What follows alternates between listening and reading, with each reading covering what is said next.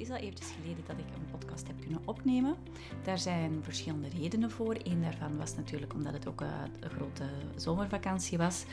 Ehm, andere redenen zullen wellicht um, op een ander moment uh, verdiept worden. Daar, daar, gaat het vandaag niet om.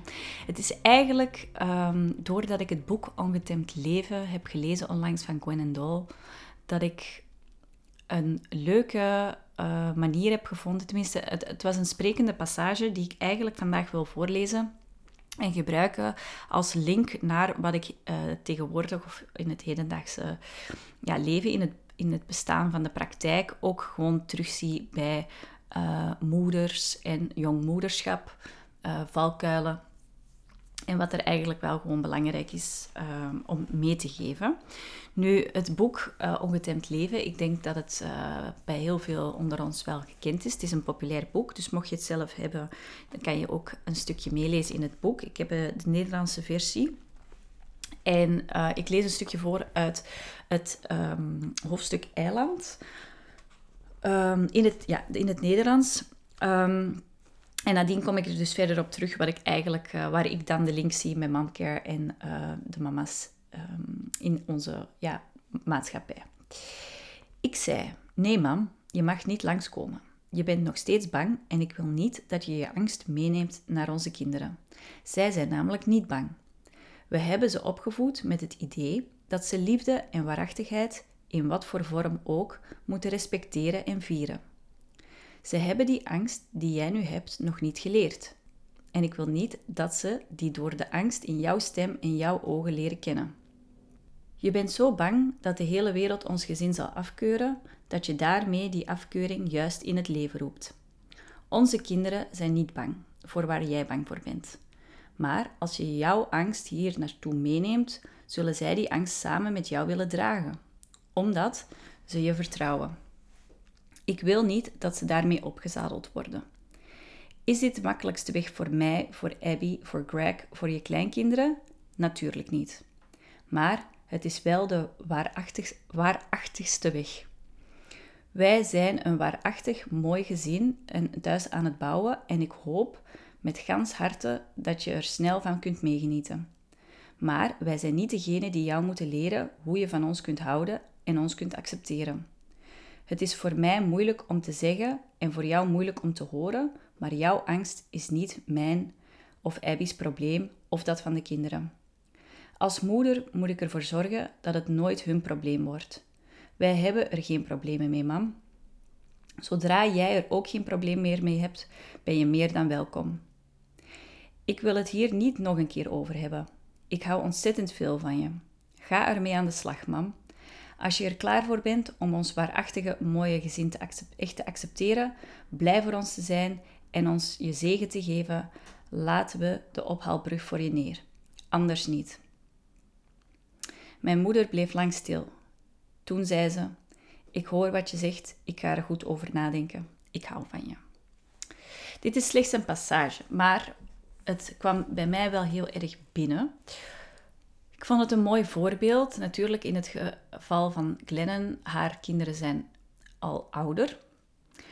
Maar ik vind het heel erg toepasbaar voor deze podcast. Omdat wat ik in eerste instantie eventjes wil uh, duidelijk maken, want het heet natuurlijk eiland. En ze, ze, eigenlijk, ze beschrijft het ook uh, haar gezin uh, in de vorm van een eiland. En dat ze dus heel kritisch en selectief kijkt van ja, wie laten we binnen op ons eiland.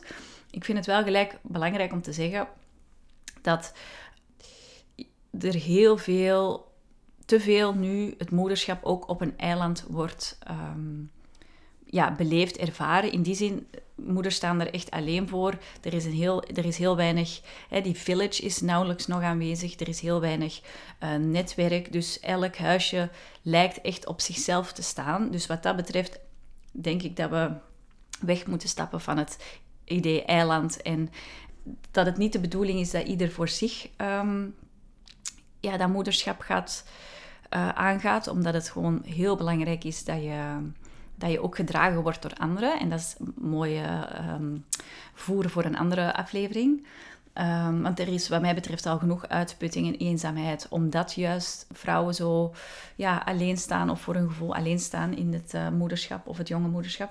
En met jonge moederschap bedoel ik uh, als je net mama bent geworden of net opnieuw mama bent geworden, niet vanuit uh, je leeftijd. Maar wat ik eigenlijk heel mooi vond en heel sterk vond, en natuurlijk Glennon heeft ook wel een heel proces meegemaakt, uh, ontwikkelingsproces in haar leven. Maar de kern is eigenlijk dat ze zich uitspreekt naar haar mama. En ze, ze is als het ware bewaakt de belangen, uh, de grenzen van haar gezin, van haar kinderen en bewaakt en, en dient hun belangen en bewaakt hun grenzen en haar grenzen. En ze spreekt zich uit. En ik denk dat dat enorm krachtig is om zo te lezen. Ik heb expres ook de reactie van de mama uh, erbij gelezen, omdat het natuurlijk altijd heel spannend is van uh, hoe gaan ze reageren. Of ik, ik verwacht dat ze zo gaan reageren, dus ik ga al niets zeggen of ik, ik ga er al niet over beginnen, want ik weet toch hoe mijn mama of mijn papa zal reageren. Maar ik zie eigenlijk met de mama's die ik ja, in de praktijk heb, maar ook in mijn omgeving, ook vanuit de opleidingen en zo, ook vanuit eigen ervaring, zie ik dat het thema ouders, het thema schoonouders, het thema beginnen of wordende grootouders, hè, want de ouders krijgen ook een nieuwe rol, die worden grootouders, maar aan de andere kant is het nog altijd wel jouw ouder. En dan zeker jouw mama, moederlijn. Ja, dat vraagt ook best wel veel aandacht richting ja, de geboorte van een moeder. En we zijn ontzettend trouw aan onze familie. als ik ook merk vanuit uh, de gesprekken en de trajecten dat ik, dat ik doormaak met, uh, met vrouwen, is het heel realistisch, of zijn dat echt wel uitdagingen die bij, het, bij de kraamperiode bovenkomen.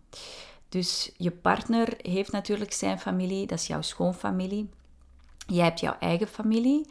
En in eerste instantie is natuurlijk vaak jouw mama de veiligste plek waar je zal terechtkomen.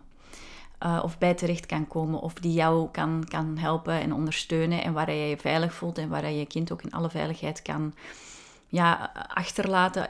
Of het nu een minuut is of een uur, eh, hoe dan ook. Ja, je mama heeft daarin een hele veilige rol. Maar natuurlijk, ja, je schoonmoeder, dat is, dat is een heel ander soort um, dynamiek. Vaak is daar ook meer vanuit verplichting, ook ja, vanuit je partner. Tenminste, dat je voelt naar je partner toe van oké, ik moet mijn schoonmoeder daar ook bij betrekken. Soms is het ook volledig andersom. Maar het is wel zo, evolutionair gezien, zijn de belangen van een schoonfamilie, zijn het kleinkind, um, anders dan de belangen van je eigen familie. Dus vanuit de moederlijn. En dat is dus ook best wel conflicterend of kan leiden tot innerlijke conflicten voor jou als, uh, ja, als, als vrouw, als, als net uh, geboren moeder. Omdat je het dus ook moeilijk vindt om ja, daar, daar die veiligheid in te vinden, daar vertrouwen te geven.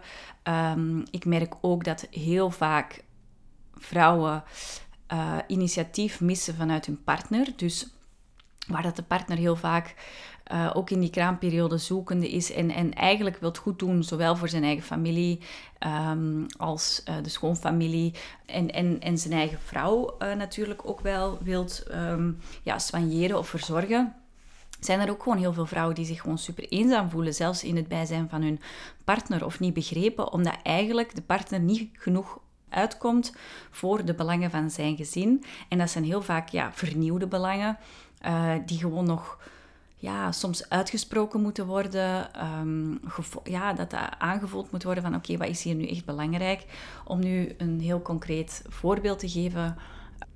Een kramende vrouw heeft echt niet veel baat bij uh, lang bezoek. En we zijn nu eenmaal in een um, soort van evidentie terechtgekomen dat het best wel normaal is. Misschien nu door corona is het al iets minder, maar dat je op bezoek komt, uh, op babybezoek, en dat er uh, ja, misschien wel een uh, lekker, lekker drankje wordt geserveerd of dat er een hapje klaar staat en dat het eigenlijk gewoon een gezellig borreluurtje is. Maar een kramende vrouw heeft daar um, bitter weinig aan. In die zin, ze zal misschien blij zijn om eventjes um, familie, vrienden, schoonfamilie te kunnen zien. Maar in essentie heeft zij nood aan, aan, aan zorg, aan rust, Ehm, of is het aan haar om dan vervolgens te zeggen, en dat mag zelfs dan binnen 10 minuten zijn, van ja, kijk, ik vind het super fijn dat jullie er zijn, maar uh, ik ga nu naar boven en uh, ja, het kindje gaat met mij mee, want wij hebben het nood aan rust en wij willen minder prikkels. Je mag gerust blijven, maar ik, ik trek me terug. Maar het, ja, over het algemeen wordt dat gewoon nog te weinig uh, gedaan, omdat de vrouwen ook vanuit, um, ja, niet vanuit die egoïsme en, en, en ja, een beetje people pleaser en, en omdat het, zij, zij ook van zichzelf verwachten dat ze ook maar die rol nog moeten kunnen, uh, ja, al meteen moeten kunnen, kunnen opvangen. En, en dat ze dus ook die gastvrouw moeten kunnen zijn. En dat ze daar, ondanks misschien de pijn, of ondanks de stuwing, of ondanks het feit dat ze Ehm, ja, dat ze gewoon nog heel veel pijn onderaan hebben. Ehm, ja, dat ze daar ook maar moeten zitten en, en misschien moeten zien hoe dat hun kindje wordt doorgegeven, terwijl dat ze dat eigenlijk ook niet willen. Dat dat gewoon intuïtief echt heel slecht voelt, maar omdat het een soort van sociaal... Uh, ja, verwacht wordt dat, dat, ja, dat je kindje de ronde kan gaan of dat er een drankje en een hapje klaar staat wanneer er kraambezoek is. Um, ja, druist dat echt in tegen ja, de noten, de behoeften van, van, van een mama. En ja, waar ik dus die link zie met dat uitspreken, dat is iets dat super moeilijk is. En dat is ook volgens mij een, een project of een, ja, een, een, proces misschien liever van, van jaren. Want wat gaat er nog gebeuren? Kijk, ehm, je, je gaat misschien op een bepaald... Al ja, je gaat in die kramende periode, of tegen de tijd dat je doorhebt dat dingen je storen, of dat je daar echt last van hebt, dan ehm, ben je misschien weer een tijdje verder. Maar wat, wat, gaat er ook... Kijk, na die kraamperiode ontstaat er ook hè, natuurlijk het, de levenslange taak van, van opvoeden. Of toch tot een heel groot uh, deel van het leven, uh, tot, uh, tot, ja, wat zal het zijn, eh, tussen de 20 en de 25 jaar dat je bezig bent met het opvoeden van je kinderen. Of daar in ieder geval ja, die, die steun aan te geven, die support. En daarin ga je dus ook steeds meer en meer merken um, welke ouderlijke patronen, welke ouderlijke trauma's doorheen de generatie ja, eigenlijk ook in jouw huizen en, en wat er jou activeert in spiegeling met je kind. Um, dus dat zijn eigenlijk ja, dingen die je van tevoren ook nog niet uh, weet of beseft. Um, maar waar het wel heel belangrijk is, dat je dat ook uh, meer en meer leert opmerken. En dan wanneer dat je dus ervaart van oké, nu voel ik dat het, um, dat het te ver gaat, dat je dat dan dus ook durft uit te spreken. En dat is super moeilijk als je net, uh, of dat kan tijdens de zwangerschap al zijn, maar dat, dat, is zeker tijdens de kraamperiode, gaat, zal elke vrouw dat wel eens ervaren. En dan is het natuurlijk super moeilijk om je daarover uh, over uit te spreken naar een bepaald persoon toe dat kan familie zijn, maar dat kan ook schoonfamilie zijn, dat kan ook vrienden zijn. Ehm, maar het is wel belangrijk. En dat is dus iets wat we dus ook preventief oppakken vanuit Circle of Care. Om ook die kraamperiode vorm te geven en daar ook de partner in te betrekken. Hoe dat uh, hij of zij eigenlijk mee jouw stem kan vormen. Zodat jij ook die energie niet moet geven aan dit soort zaken. Want het is niet mogelijk om alle mogelijke uh, uitdagingen of valkuilen, scenario's van tevoren uit te stippelen en daar allerlei oplossingen voor te bedenken. Dat zeker niet. Maar het is wel belangrijk dat jij het gevoel hebt van: oké, okay, de, de, de familieopstelling is eigenlijk nu weer. Hè, er komt weer een extra lijn bij. Het, uh, ons, ons kind of ons kleinkind is geboren. Um, ook die rol van ouders naar grootouders, dat is, een veranderende rol. Daar moet ook een, uh, ja, dat, heeft ook tijd nodig. En het is ook vooral belangrijk dat jij um, beseft, of, of, ja, of dat jullie beseffen dat het ook jullie kind is. En, het, en, en jullie ouders hebben het op hun of naar hun beste kunnen gedaan. Maar nu is het aan jullie. En, um, en het is heel belangrijk dat je daarin ook, uh, ja, dat je daar ook in je kracht mag staan om duidelijk te maken wat jou dient en wat jou niet dient. En wie jou dient en wie jou niet dient. En dat klinkt misschien een beetje um, uh, egoïstisch, maar het is.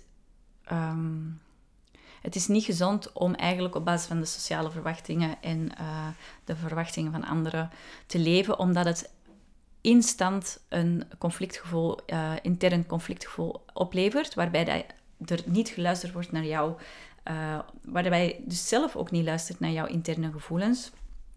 Wat eigenlijk dan al rechtstreeks gepaard gaat met um, stress, um, aanmaak van cortisol. Dus uh, gezondheidsgewijs is het dus ook heel belangrijk dat je, dat je daar wel iets mee doet.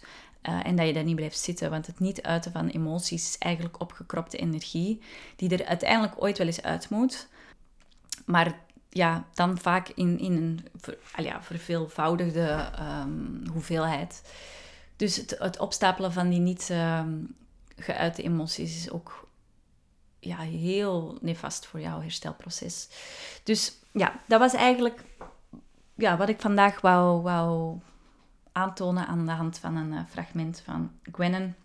Ik ben benieuwd hoe jij daarover denkt. Heb je dat zelf meegemaakt? Of uh, ben je nu bijvoorbeeld zwanger en heb je zoiets van, ja, die kraamperiode, ik zou daar eigenlijk toch wel wat meer stil bij willen staan. Ik heb daar ook een mooie tool voor om dat te doen. Dus laat het me weten via dm, atmamcare.be op Instagram. Ik zou het leuk vinden om even in contact te komen. Dan kan ik je ook wel gewoon via die weg al op weg helpen. Met een aantal vragen, met een aantal uh, tools om te kijken van, oké, hoe zit het met die kraamperiode? Um, wat is de situatie? Ik bedoel, is het een eerste kleinkind? Is het een uh, tiende kleinkind? Dat is natuurlijk ook een mega groot verschil. Um, en dan kunnen we eens kijken wat de mogelijkheden zijn. Maar ik ben vooral benieuwd of je dat dus ook, die um, ja, interne conflicten hebt opgemerkt in relatie tot uh, schoonfamilie, in relatie tot je eigen familie bijvoorbeeld, of vrienden. Um, ik hoor het graag en bij deze wens ik je dan nog een fijne dag of nacht verder, afhankelijk van wanneer je luistert. En ik hoor je ook graag, of ik spreek je misschien ook graag uh, bij een volgende podcastaflevering. Doei!